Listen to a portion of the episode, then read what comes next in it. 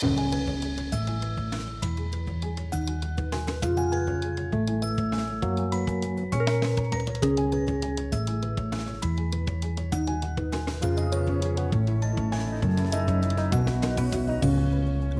er egentlig et uh, essay, og på hvilken måte skiller det seg fra et uh, kåseri?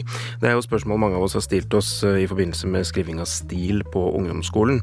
Nå skal vi ta et lite skritt opp og vie en hel del oppmerksomhet til alle de som velger å bruke essayets form når de skriver eh, tjukke bøker og stiller spørsmål ved etablerte sannheter.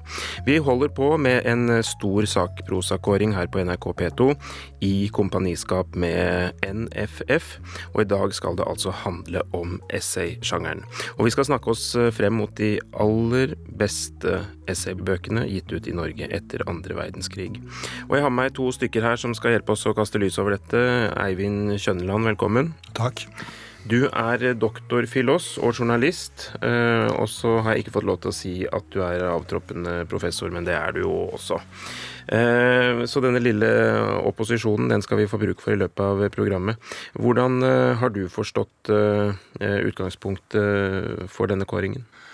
Ja, det er jo Norsk faglitterær forfattering som har arrangert det, da. Og vi hadde jo i 2015 en essaydebatt hvor Morten Strøksnes klaget over at at det var for mye skjønnlitteratur i essayet. Skjønnlitterære forfattere som skriver om skjønnlitteratur, de har liksom preget det norske essayet i for stor grad. Er du enig i så fall?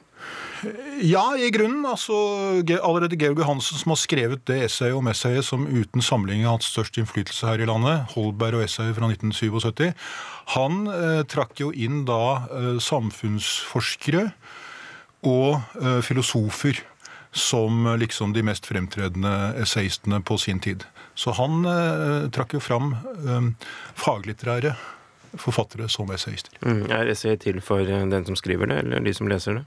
Ja, Begge deler. Altså, Det kan sikkert være essayister som da det har blitt kalt en gamlemannssjanger, trekker seg tilbake som Montaigne, sjangerens grunnlegger, i sitt tårn, og er well off, og for så vidt da ikke trenger å skrive for et publikum eller selge bøker.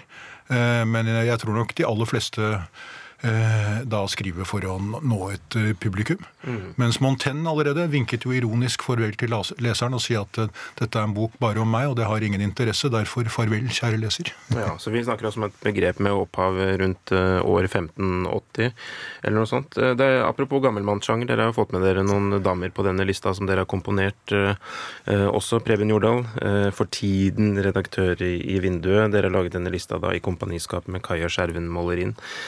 Har dere hatt noen slags kjønnsfordeling oppe på agendaen her? Nei, altså vi har vel først og fremst prøvd å finne de essaysamlingene som vi mener har satt størst avtrykk i etterkrigstiden i Norge. Mm. Det er det som har vært sorteringskriteriet. Der er det både kvinner og mannlige Altså både kvinnelige og mannlige essayister. Så det er kriteriet vårt. På hvilken måte kan en essaysamling sette avtrykk i, i et land, holdt jeg på å si? Har dere noe eksempel på det? Ja, altså, altså det blir uh, diskutert, det blir uh, brukt i en viss forstand. Altså at folk henviser til det. Andre tekster henviser til uh, tekstene. Det er jo en del av disse tekstene vi etter hvert skal snakke om, som, har, som helt klart har vært innflytelsesrike. Mm. Som har ført til at andre har kanskje fått øynene opp for, for nye fenomener og, og, måter å tenke på. Mm.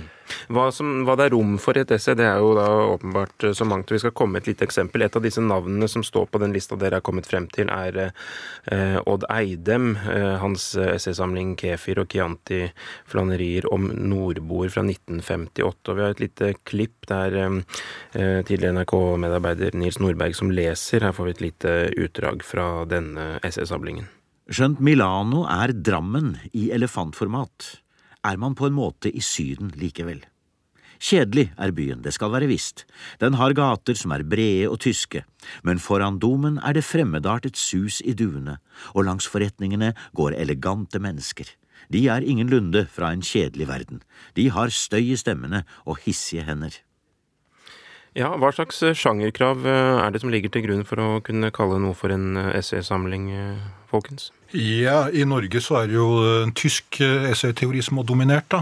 Fra tunge teoretikere som Lukács og Adorno til deres popularisatorer, som en som heter. Det ble oversatt ti sider med hans sjangertrekk i en bok. Det er vel den eneste boka fortsatt om det norske essayet, altså essayet i Norge fra 1982. Og han har tolv forskjellige sjangertrekk, og legger vekt på da at det er eh, dialogisk, det er eh, digressivt, det er kritisk, eh, assosiativt, antisystematisk, kommer ikke til noen fast konklusjon osv. Og, så og det er prosessuelt, sånn at veien er sannheten. Men bortsett fra det så er det jo vanlig å skille mellom det mer personlige essayet da, og det Eh, formale essayet som Bacon eh, ga opphav til eh, litt etter Montaigne i England. Mm. Er det riktig oppfattet at det er en litt sånn fortjenstfull kategori? Du skal ha gitt ut et visst antall, hva skal man si, suksessfulle bøker før du får lov til å gi ut en essaysamling på et forlag. Altså på bakgrunn av det faktum at de ofte selger ganske dårlig? Ofte ofte får man jo følelse av at det er ren forfatterpleie. Altså mens du skriver på den romanen vi egentlig har lyst til å gi ut, så skal du få gi ut de leilighetstekstene du har, gitt, har skrevet for aviser og sånn i, i, mellomtiden. Men det burde jo være en, en altså, det burde vært en, en, litt mer stolt tradisjon. Altså det burde vært uh, sånn som det gjerne var før. Altså at man lager gjennomkomponerte essaysamlinger mm. der det stort sett er nyskrevet materiale. Jeg kan jo ta Georg Johannessen sin, eh, sin eh, oppsummering av den tyske essaystradisjonen, altså det idealtypiske essayet. Skal jeg lese det som står der? Gjerne. Fra, eh, altså fra Holberg og essayet så skriver han altså at essayet er en kort avhandling i god sakprosa med språklig gjennomtenkte virkemidler av retorisk eller stilistisk vellykket karakter, om et for stort emne eller for lite emne, som verken behandles utførlig eller systematisk, men uavsluttet og fragmentarisk i sprang og digresjoner, og likevel slik at et helt livssyn eller samfunnssyn blir tydelig samtidig som leseren blir gjort kjent med essayisten som person ved at tankeprosessen demonstreres direkte, og ved at essayistens holdning til religion, filosofi og politikk går fram via det valgte emnet ved frie assosiasjoner, private opplysninger, sitater, anekdoter eller lignende, i en tenkt dialog med leseren eller leserkretsen, som består av kunnskapsrike likemenn, som utmerker seg med modenhet, skepsis, livskunst, toleranse, humor, kynisme, ironi, selvironi,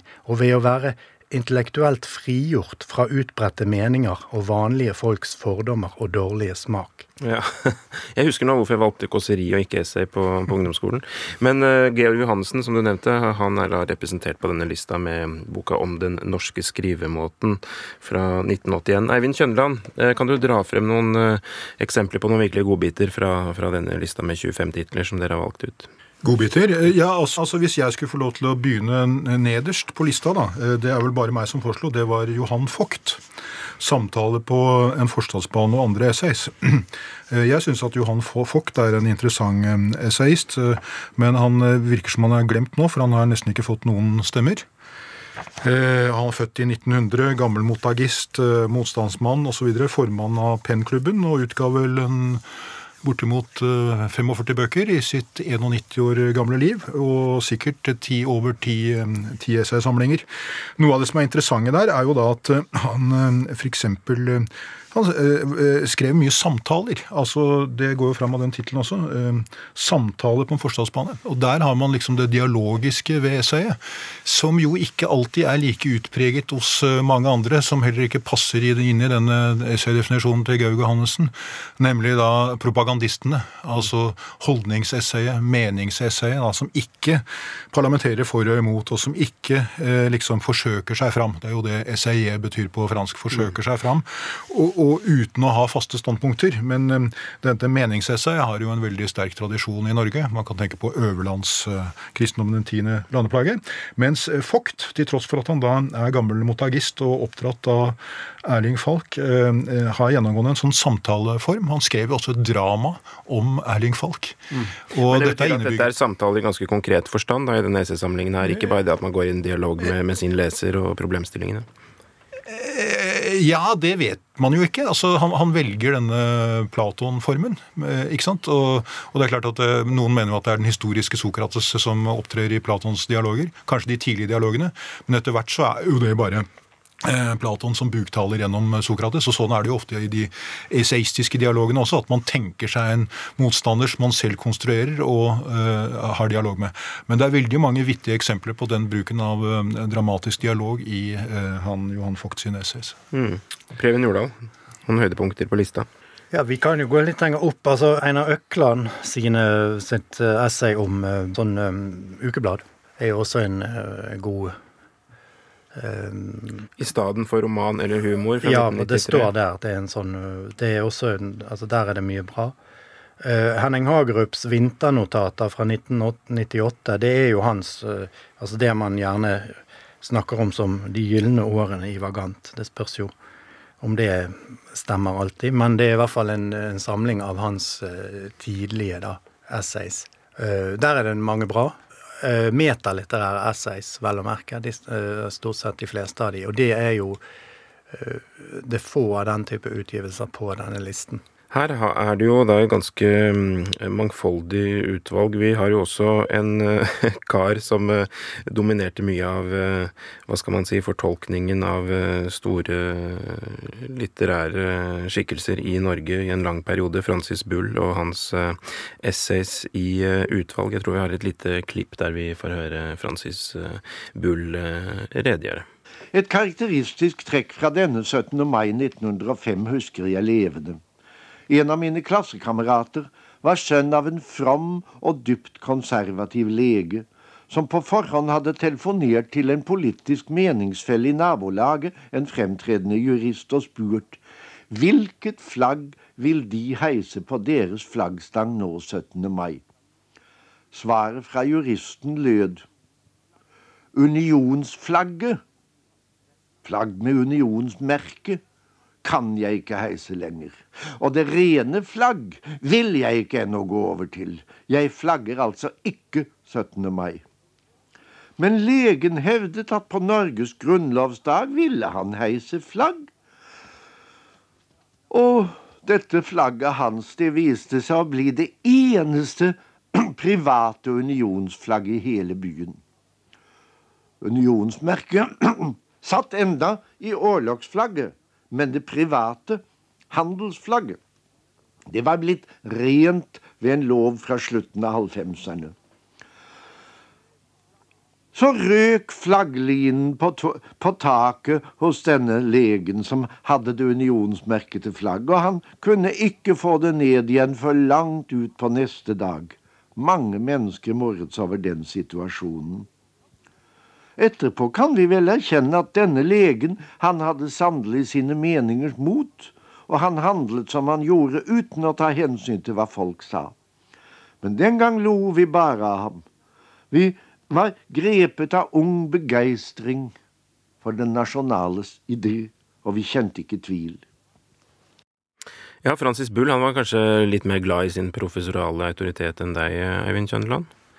Eh, Hva har han å bidra med eh, på essayfronten?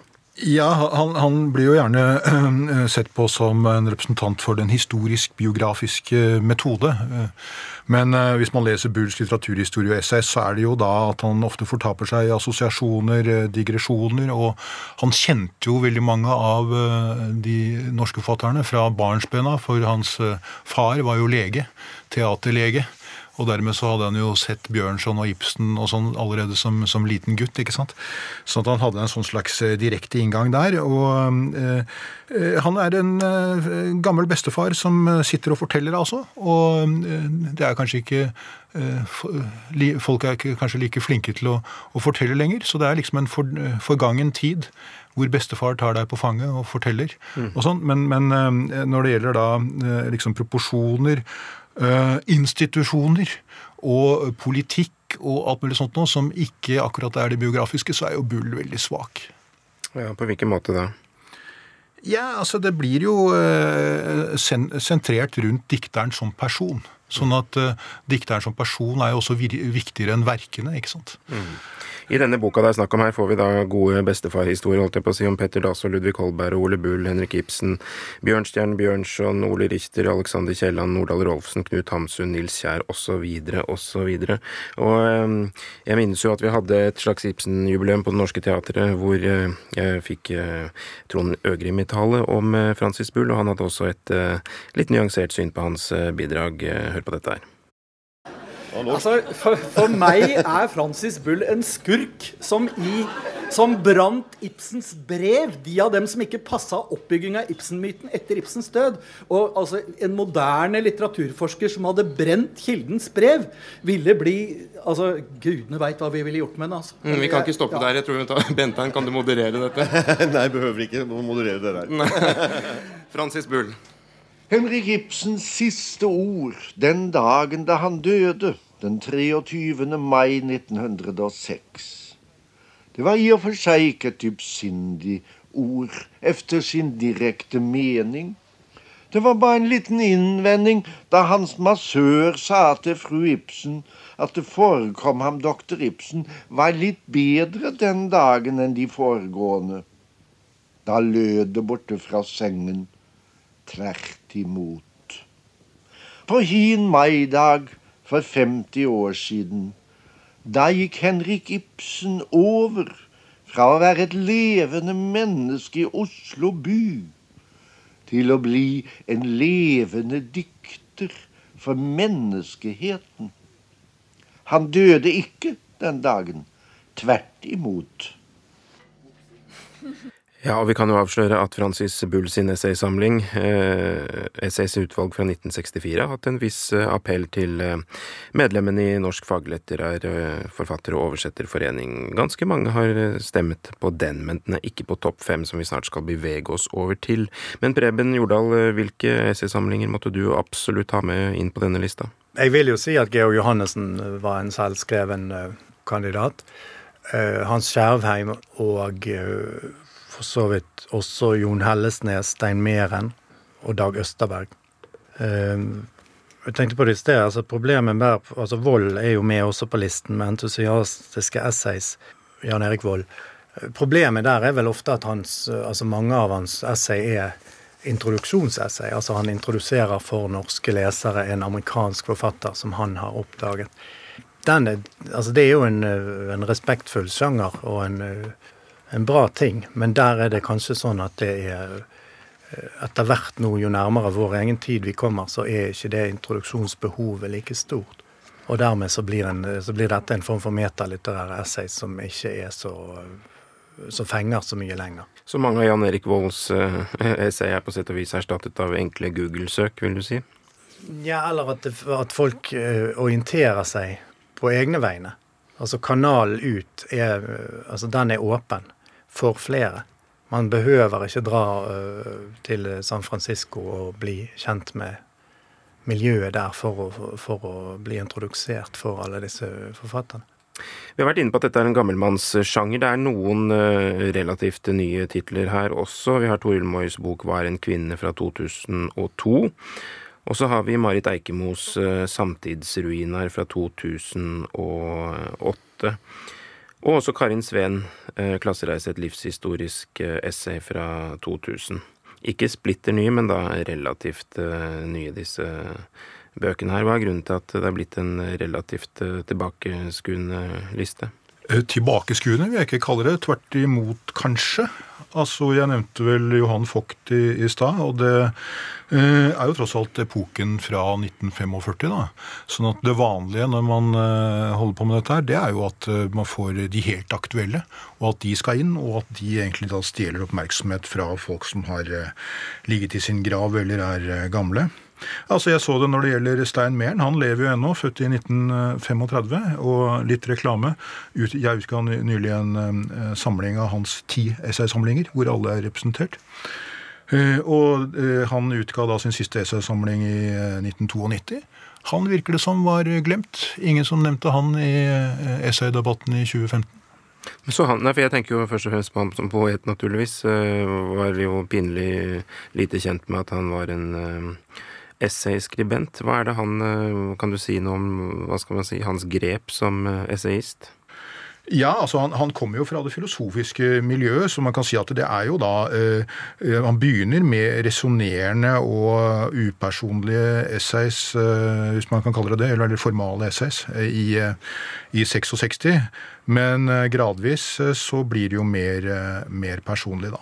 Sånn at du kan si at han, han, han debuterer jo som lyriker i, i, 60, og det er noen lange prosadikt der som minner om essaystikk, og etter hvert så, så får han til en slags kobling, kan man kanskje si av eh, de lange prosadiktene og, og det filosofiske resonnementet utover på 70-tallet. Mm. Jeg leste mye mer enn i avisene på, på begynnelsen av 70-tallet. Da var det milelange artikkelserier da, om brukskunst og forskjellig som gikk eh, ja, først i Aftenposten, og så når han ikke slapp til der lenger, så var det Morgenbladet.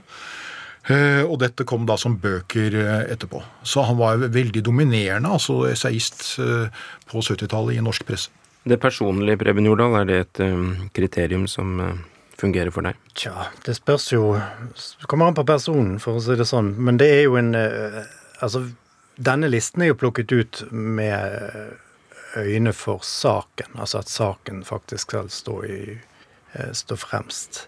De aller fleste her vil jo jeg si klarer å holde sin egen person litt tilbake for, å, for dermed å, å, få vist frem eller diskutert saken på en eh, bedre måte. Mye av det vi ser nå, altså i 2017 og fra la oss si 2010 og frem, er jo veldig personfokusert. Uh, og, og, problemet der er vel ofte at du får en følelse av at altså det er ikke bare se på denne saken. Legg, altså jeg, legger frem dette problemet nå for dere. Eh, tenk over det. Det er se på meg som legger frem dette problemet for dere, sånn at dere kan tenke, eh, tenke over det. Nettopp, og det er en eh, dårlig utvikling? Ja, det vil jeg si. Det er virkelig en, et forfall. Eivind Kjønland, du har jo skrevet om altså Dag Solstad har du forholdt deg til, og du har skrevet om Eh, Karl Ove Knausgård også. Hvorfor er f.eks. ikke Dag Solstad representert med, med, sine essay? Og er det noe av Karl Ove Knausgårds uh, skjønnlitterære produksjon som kunne kvalifisert til denne essaylista? Ja, altså, Jeg har i hvert fall hatt som policy her at jeg er på oppdrag fra, fra NFF. Og det er klart at eh, Solstad han uh, skriver jo mye rart, men jeg syns vel de beste essayene hans det er jo på en måte på, på 60-tallet. da, Flere av dem publisert i Eh, profil eh, og andre tidsskrifter eh, som er slags litterære programessay. Det syns jeg ikke har noe å gjøre her, men jeg syns jo de er interessant og sånn for litteraturvitere. Men og skjønnlitterær essay så ville han vel måtte tatt med han. På samme måte så satte jeg foten ned for, Tor Ulven, hvor det kom en essaysamling postumt. Og det skyldes ikke at jeg ikke syns det er bra, liksom, for jeg, to av Tor Ulvens essay ble til på min bestilling i tidsskrifter som jeg satt i redaksjonen for eh, den gangen. Men eh, det er altså et NFF-perspektiv her. Uh, faglitteratur. Og når det gjelder Knausgård, uh, så ser jeg jo at han, uh, hans årstidskvartett blir anmeldt i tidsskriftet Prosa. Jeg er ikke helt sikker på hvorfor vårt medlemsblad skal beskjeftige seg med sånne ting. Det må jeg si. Og det er klart at en ting vi ikke har vært innom, det er jo essay i romanen. Han har jo et 400 siders essay i Min kamp 6 Eh, og det er mulig at man kunne vurdert det som et langt essay. I, i tilfelle så vil det jo være ganske mange andre romaner da, som også har lange essayistiske innslag som, som kunne være av interesse. Men uh, slike blandinger har vi jo ikke tatt med. Nei. Og så mente du at hele Min kamp-serien var et eneste stort sjekketriks, gjorde du ikke det da? Mer enn ja, Det var en uh, essayistisk spissformulering i et intervju i Bergens Tidende. Ja, sånn Men da går vi over på denne topp eh, fem-lista, dere. Altså de fem bøkene som er blitt stemt frem som, eh, frem som de aller beste essaysamlingene i en norsk sammenheng. Der har jo dere sluppet taket, så det er ikke sikkert dere er enig i, i at disse titlene er blitt stemt frem som de beste. Men på en femteplass da, så har vi Marianne Gullestads bok 'Kitchen Table Society' fra 1984. og Dette rant liksom ikke meg i hus som en åpenbar eh, essaysamling, men hva, hva, hva, hva, er dette slags eh, bok? Preben Jordal? Nei, det er vel altså For det første er jo den skrevet på engelsk. og det er vel hennes avhandling, eller en versjon av hennes avhandling, i sosiologi, som handler om eh, dagmammaer, passepiker, i eh, Bergen. En, fel, en feltstudie, men, men, da også så har hun sånne metodekapitler og andre, altså der hun reflekterer over egen prosess. Um, det, er, altså, det er ganske interessant, les, uh, interessant, lesning. Den er jo helt umulig å få tak i uh, i handel, selvfølgelig. Den burde for, også vært oversatt til norsk. Kanskje for å få visst Altså fordi at jeg tror at uh, hennes personlige Hva skal man si briller dermed ville kommet litt tydeligere frem. Men hun beskriver altså hverdagen til en, altså damer som, altså kvinner som jobber som dagmammaer i Bergen i, på 79-80. Som selvfølgelig ikke har mye penger å rutte med, og som ja, tenker på en spesiell måte, vil, vil, vil jeg si. Og ja, altså hun registrerer mye av deres dagligliv da, mm. i en sånn sosiologisk uh, sammenheng. Eivind Kjønneland, har du lest uh, Marianne Gullestads bok? Uh, ja da, jeg har i hvert fall fått se, og jeg har sett på en del andre ting av henne også, så jeg, jeg har ikke nominert henne kan du si. Så hun hadde ikke stått der hvis jeg hadde fått eh, bestemme alene. Men eh, jeg kan jo argumentere for det også. Altså, noe av det jeg liker ved det hun skriver, det er jo, eh, det er jo på en måte at hun knuser myter øh, om arbeiderklassen. Eh, altså eh, og, og, og, så det bildet middelklassen har av arbeiderklassen, da. Det, jeg ser det er et bilde i boka her hvor det er et, et hjem, og så er det bilde av et piano. Uh, og så skriver hun uh, 'Possessing a piano is rare in this milieu'. Altså det er uh, uvanlig å ha et piano i en sånn sammenheng. Så hun nyanserer litt, da. Ja, men hun går, hun går, tett på materialet, og, og det er liksom den miksen av teori med intervjuer og, og, tekstanalyse, og også litterære perspektiver. Altså Hun har jo gjerne motor fra dikt i, de forskjellige bolkene.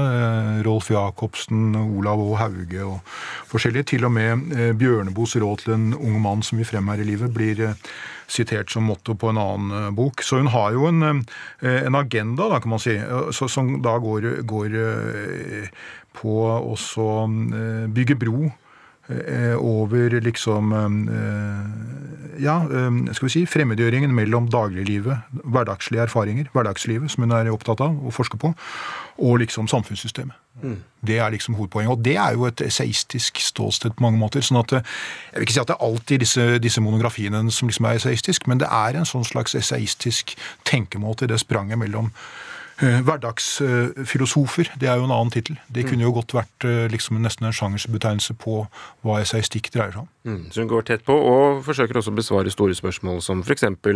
hva grunnen er til at eh, skilsmisseraten er i Altså den blir stadig høyere.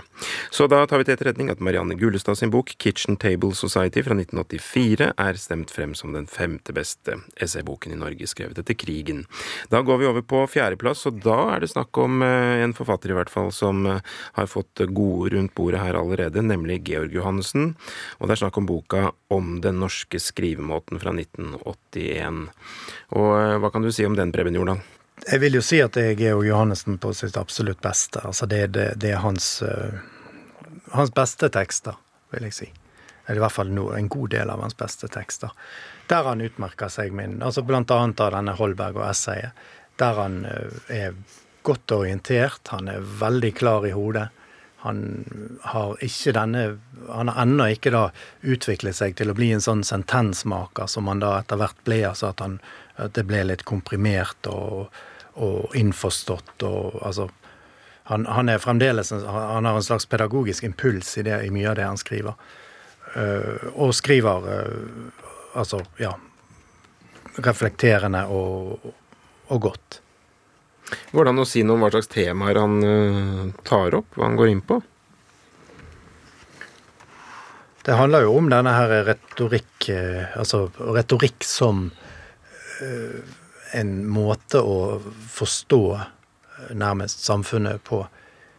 Altså ved å, ved å, se på de språklige uttrykkene og hva, altså hva mener Stoltenberg når han sier Eh, vi står på Amerikas side. Altså hva, hva, ligger egentlig i disse tingene? Altså, Johannessen skriver jo selvfølgelig ikke om Stoltenberg, Men han skriver om Gro Harlem Brundtland og altså den generasjonen politikere etter hvert. Ja, Eivind Kjønland, har du noe å tilføye når det gjelder den boka? Eh, ja, det er jo også en samling. altså Han kom jo med en samling før det, hvor det var med rubbel og bit, og den var jo redigert av var det Helge Rønning og Håvardsholm, så vidt jeg husker. En sånn svær fakkelbok. Så kom jo dette her, og da hadde han liksom vendt seg mot eh, Han mente at hans lesere visste for mye om samfunnsvitenskap og politikk, men de visste for lite om, om retorikk. Eh, nå vet jeg ikke om det stemmer lenger, da, men han, eh, han satte jo i gang denne retorikkinteressen i Bergen og begynte å studere retorikk. Men det er klart at altså, Georg Johansen skriver jo også her, skal vi si, innforstått. Det er, det er, aforistisk allerede her. Store tankesprang. Og han er jo liksom sentensens mester. Man blir bombardert med slående formuleringer. Men det blir kanskje litt trettende å lese veldig mange sider Eh, når Georg Johansen er på, på, på, liksom på, høyden i strekk, fordi han er så fortettet. Og jeg tror at det der er noe gammelt. Han eh, beundret jo Helge Krog, som egentlig ikke er kjent som aforistiker, som også står på lista her da med en eh, artikkelsamling. Altså, Krog døde vel i, var et, på begynnelsen av 60-tallet, og da utga tidsskriftet Fossegrimen et temanummer om Krog. Og da skrev Georg Johannessen om Krogs aforismer, som de hadde plukket ut av etterlatte skrifter til Krog. Så da, da, beundret han eh, Han er jo den første som har sett det, på en måte. Da beundret eh, Krog som aforistiker. Og selv så er han en mye, enda mye større aforistiker enn en Krog var. Så, og det er, gjelder jo mange esaister. Også, eh, også da sosialøkonomen Johan Vogt utga jo aforismer ikke sant? Skrev aforismer i, i Dagbladet. Så denne sentens-aforismetradisjonen den er eh, gammel, like gammel som sjangeren selv. Man siterer et latinsitat. Montaigne gjør det hele veien. Ja, et lite, jeg kan sitere litt fra altså når han kommer godt i gang, Georg Johannessen. Essayisten produserer samfunnsmessig dannelse. Essayisten provoserer til modenhet og selvtenkning ved å smigre leseren. Essayisten behandler leseren som kunnskapsrik og intelligent. Viten meddeles ikke, men forutsettes. Dumheter siteres på en innforstått måte. Det var altså Georg Johansen, et sitat uh, lest av Preben Jordal. Uh, takk for det. Da tar vi til etterretning igjen da at den norske skrivemåten uh, er på vår topp fem-liste. Og så går vi over til bronseplassen, og der har vi altså en norsk historiker, nærmere bestemt Jens Arup Seip, født i 1905, død i 1990. 1992. Og det er snakk om boka 'Fra embetsmannsstat til ettpartistat'. Og jeg tror at uh, en liten briljant sak fra Det norske studentersamfunn kan uh, kaste litt lys over hva slags uh, type vi har med å gjøre. Stortinget er forsvunnet som statsmakt. Det er relegert til et registreringsapparat, omtrent som det franske parlamentet under Ludvig 14., hvor, hvor partiføreren som i sin tid Solkongen om nødvendig holder en lider justis. Stortinget har vært i politisk eksil mellom Elverum og Kings Bay.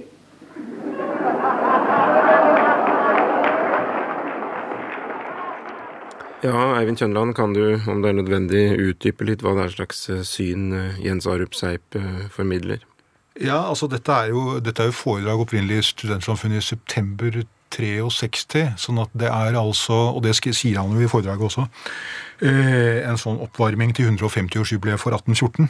Så det er på en måte da en eh, kortversjon av norsk historie, som går da i tre perioder. Embetsmannsstaten fram til 1884, og så er det da 1884 eh, med flere partier. Eh, og så er det ettpartistaten da etter krigen med Arbeiderpartiet. Det er liksom historien nå. det er jo en, eh, skal vi si, en rå forenkling. og Han mener jo da at Arbeiderpartiet går tilbake, har gjeninnført embetsmannsstaten. ikke sant?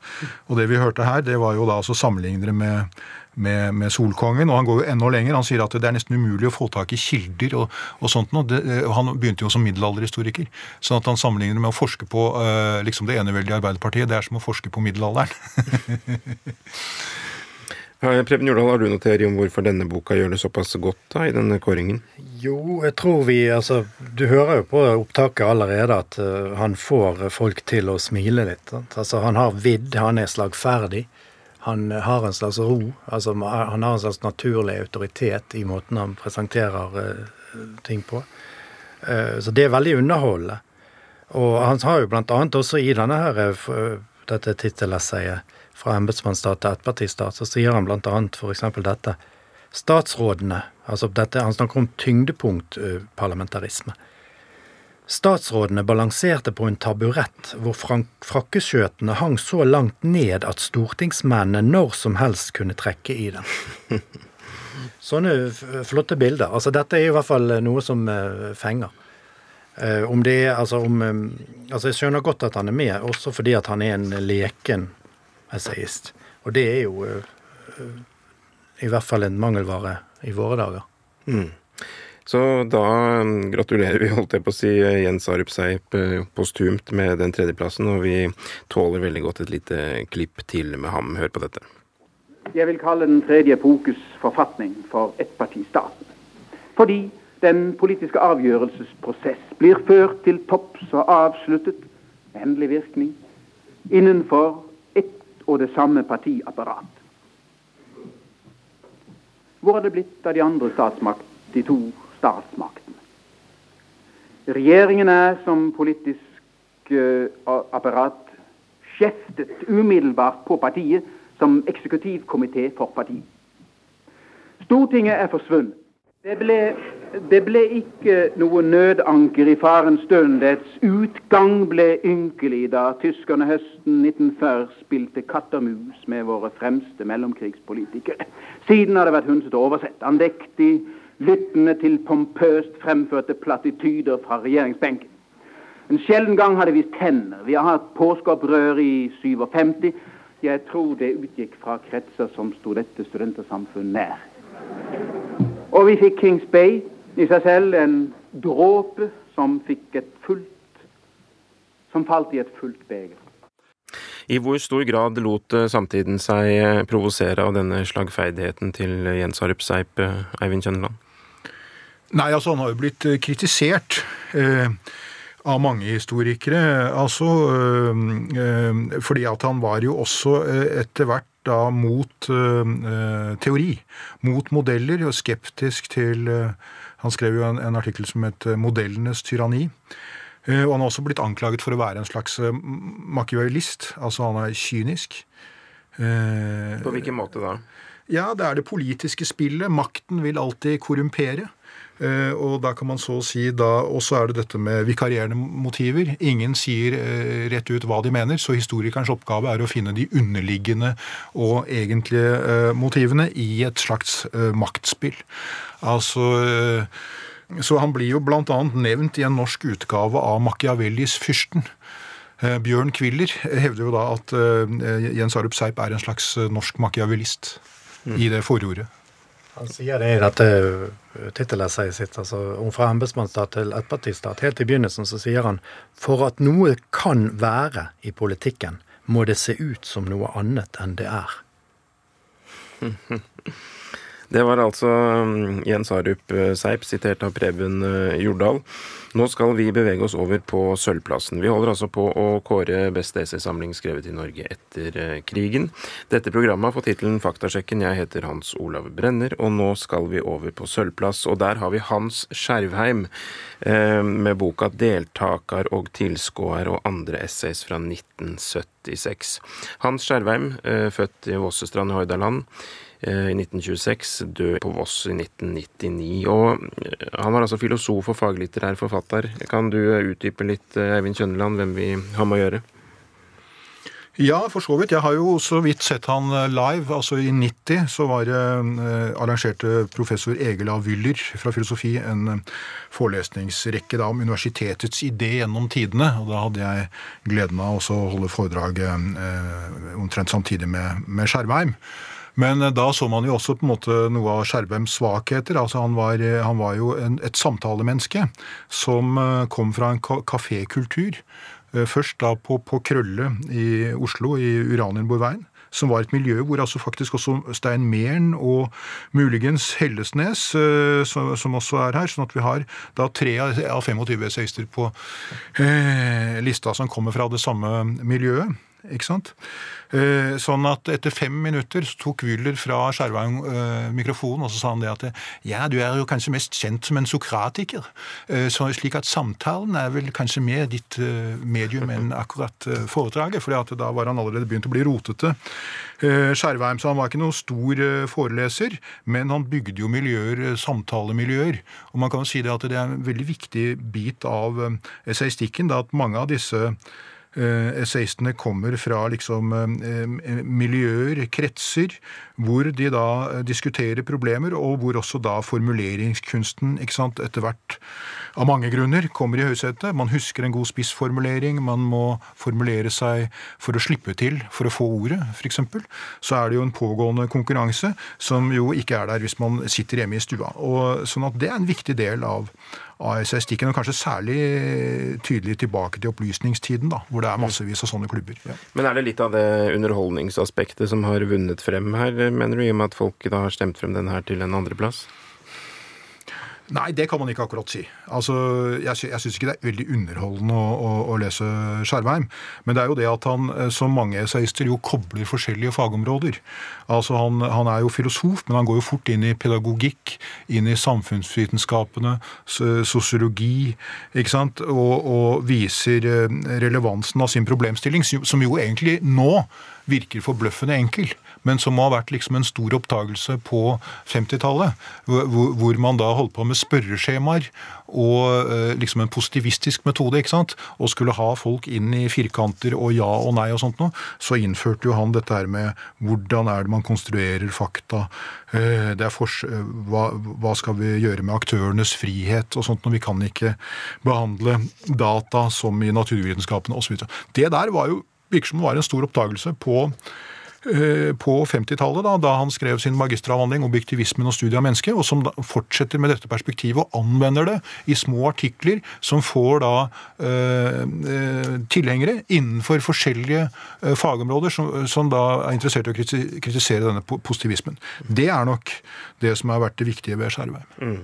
Preben Jordal, har du lest Hans Skjervheim, holdt jeg på å si, uavhengig av dette oppdraget?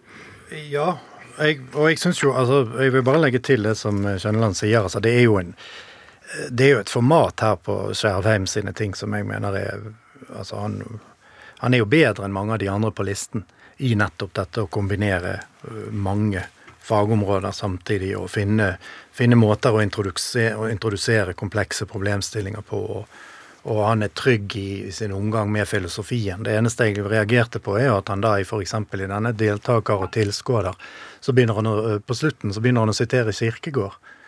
Helt, altså uten, Som om Kirkegård sine, sine tekster er selvforklarende.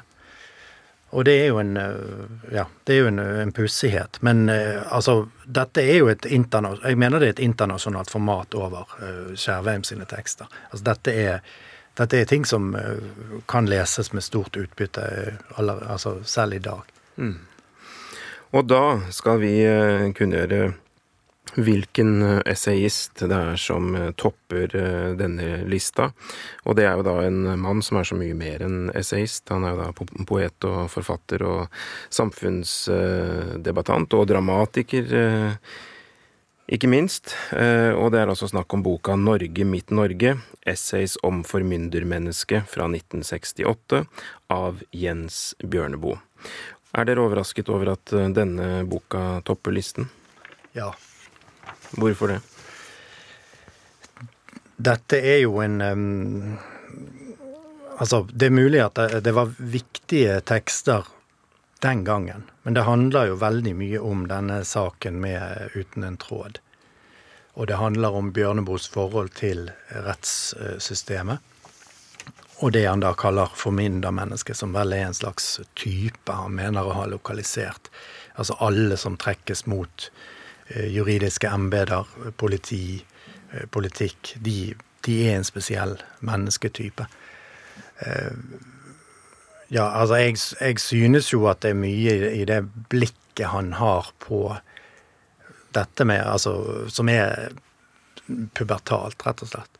Altså det er en, har du noen eksempler? Det er en forenklende Ja, det, det, blir jo å bla opp, da. Men det, altså, han har jo eh, Altså, han skriver åpenbart for de som er enig med han selv. Det er det første.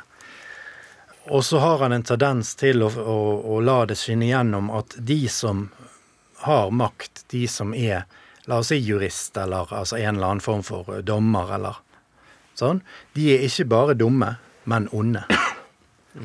Og det er en Altså, der har vi altså det, Apropos Skjervheim og, og sant, Georg Johannessen og alle. altså De er mye mer um, Hva skal man si? De er mye De undervurderer ikke sine motstandere på, på den måten man ser Bjørneboe gjøre i denne boken. Jeg tror vi har et lite klipp her hvor uh, Jens Bjørneboe redegjør for uh, litt av uh, sitt verdensbilde. Her tror jeg det er nihilismen som, er, som blir omtalt. Hør på dette. Jeg husker jeg fant i et jeg tror det var et Aschehoug-leksikon en definisjon på nihilisme som er helt korrekt. Nemlig altså en bevegelse, en filosofisk bevegelse som tar avstand fra å overta normer fra fortiden før de har undersøkt dem selv.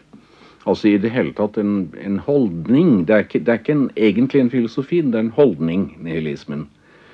Nemlig det å ikke akseptere noe før man kjenner det selv.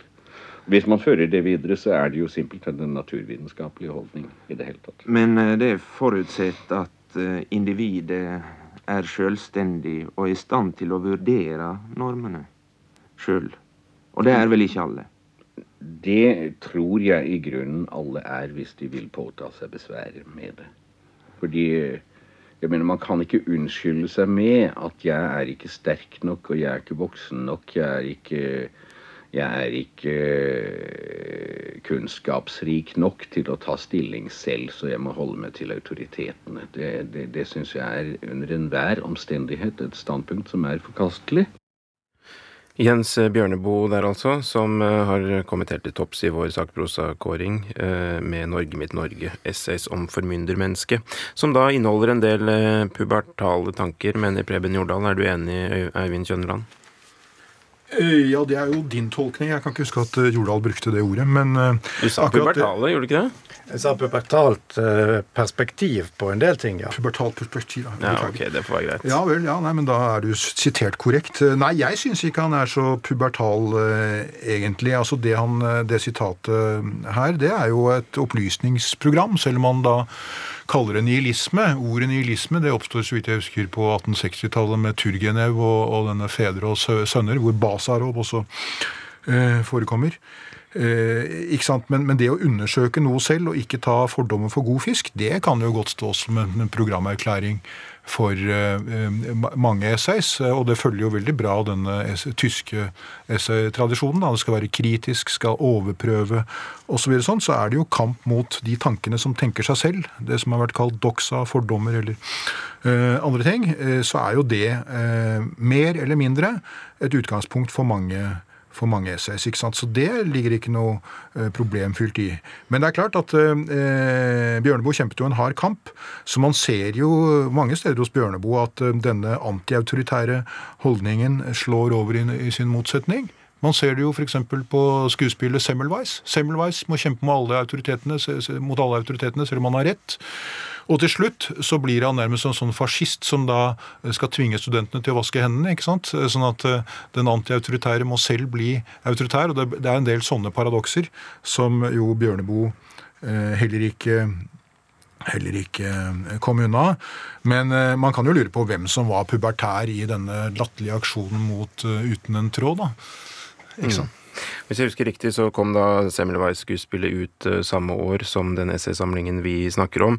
Og Jens Bjørneboe gikk til topp, så vi liker jo da å overlevere en litt sånn imaginær pokal, og da har den gjerne gått til uh, forfatterens biograf, i den grad forfatteren er biografert. Og det er da Jens Bjørneboe i aller største grad. Han, sin egen herre kom i 2009, og bind to, Født i frihet, kom i 2010. 2010, og de var det du som skrev, Tore Rem. Er du med oss? Jeg er med. Ja.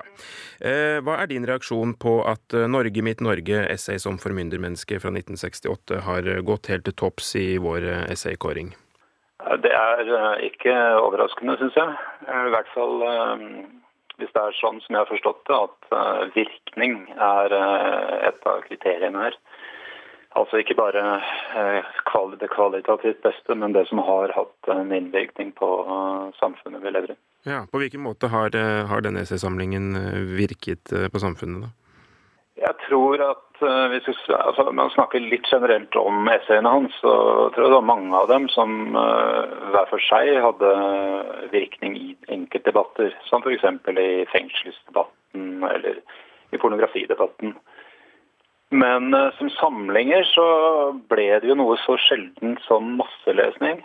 Norge mot Norge kom ut i det mytiske år 1968. Og det ble en uh, underlig generasjonsstatement. Uh, Bjørnboe var jo 48, så han var ikke en av de unge. Men uh, han var outsideren som på et merkelig vis kom i synk med sin tid akkurat i det momentet, vil jeg si. Mm. Og dette er da samme år som han gir ut en diktsamling, og, og Semmelweis kommer også dette året, så det er en del av en produktiv periode for Bjørnboe, får man ha inntrykk av? Det er det. Og, og for noen av disse bøkene, det gjelder altså Norge mitt Norge, så velger han å gå til det unge og radikale forlaget Pax. Og eh, Dermed så ble han også eh, for en del av tekstene sine en del av billigbokrevolusjonen. Og når ut i uh, titusener, altså disse, disse essayene. Og det er noe av det spesielle. Som gjør at, han blir, at, at essayene blir lest av den generasjonen, og helt åpenbart av flere generasjoner etter det. Mm. Han eh, forhører seg først om å få utgitt disse avisartiklene hos Gyldendal, men, men, velger så Pax. Og jeg tror den konteksten er veldig, veldig viktig. Mm. Uh, I, Norge, I Norge Norge så spriker for så vidt essayene i mange retninger. Men uh, den rammen gjør at de nok entydiggjøres mot det radikale til en viss grad. Har du noen tanker om hva slags leseropplevelse en nåtidig leser vil få ved å plukke opp denne boka? Jeg tror nok en god del av det vil virke friskt. og ja, Det har vært Bjørneboes lodd at han har uh, truffet lesere i en viss alder, da, gjerne i ungdommen. Og det er klart at kategoriene som han lanserer her, som for, eller svikeren, som det motsatte av formyndermenneske, det er nok eh, ting som vil røre ved unge som er på vei inn i et intellektuelt liv av et eller annet slag. Mm. Det tror jeg fremdeles. Og så får man jo heller uh, se om man uh, tåler det nokså polariserte universet som man samtidig da beveger seg inn i. Ja. Tusen hjertelig takk for at du var med oss, Tore Rem. Og så lurte jeg på om dere har noen siste reaksjon her i studio på at eh, det var Jens Bjørneboe som gikk eh, helt eh, til topps. Har du noen formildende kommentar, Preben Jordal? Nei, jeg tenkte egentlig bare å underbygge det jeg sa i sted. For han har jo et, han har et essay her som heter 'Norske alkoholvaner og formyndermennesket'. Der han mener jo da at denne avholdsbevegelsen, altså det er der formyndermenneskene samles nærmest i Norge. sant? Bedehuskristendom og livsfiendtlighet og alt dette her. Eh, så ser han jo på eh, den, sant, den eh, forbudstiden i USA. Der er jo han også helt sånn blind for den større konteksten. Altså det er jo, igjen, Han er inne på at dette er gjort i, i, i god tro. Men altså, situasjonen i USA på den tiden er jo at, at alkohol er en samfunnsnedbrytende kraft folk drikker for mye. Altså det er for mye eh, elendighet som følge av overstadig alkoholbruk. Det er det som begrunner uh, forbundstiden. Det er ikke det at bohemer som, uh, som Bjørneboe skal, altså skal, ikke skal kunne nyte sin vin. Altså det, er en sånn, det er en blanding her mellom hans egen posisjon i datiden og da, altså historiske forhold som man da nekter å, å se på andre måter enn ut ifra sin egen uh, lenestol. Da. Mm. Nå skal vi straks avslutte, men Kjønland, jeg så at du noterte litt med pennen din der. Er det noe vi fortjener å høre? Ja, altså han har jo ett essay der som heter 'Pornografien i Norge fra vikingtiden til i dag'. Og Der trekker han jo bl.a. inn NRK og, og leserbrev da, som klager over den grenseløse usedelighet som lenge har preget NRK. Det svinske radikale pakk på Marienlyst er blitt avslørt, og folket roper på renhet. Eh, altså, så Man må jo huske på hva han polemiserer Altså, Han overdriver jo. Det er jo en gjennomgående satirisk, ironisk eh, stil i nesten alle essayene. i, i, i denne boken her. Mm. Og overdrivelsen har da stått seg over tid. Um, en liten gjentagelse på denne lista. Marianne Gullestads Kitchen Table Society fra 84, den uh, kom på femteplass. Så fikk vi Gaug Johannessens Om den norske skrivemåten fra 1981. Vi har også snakket om Jens Arup Seips uh, Fra embetsmannsstat til ettpartistat, den kom i 1963.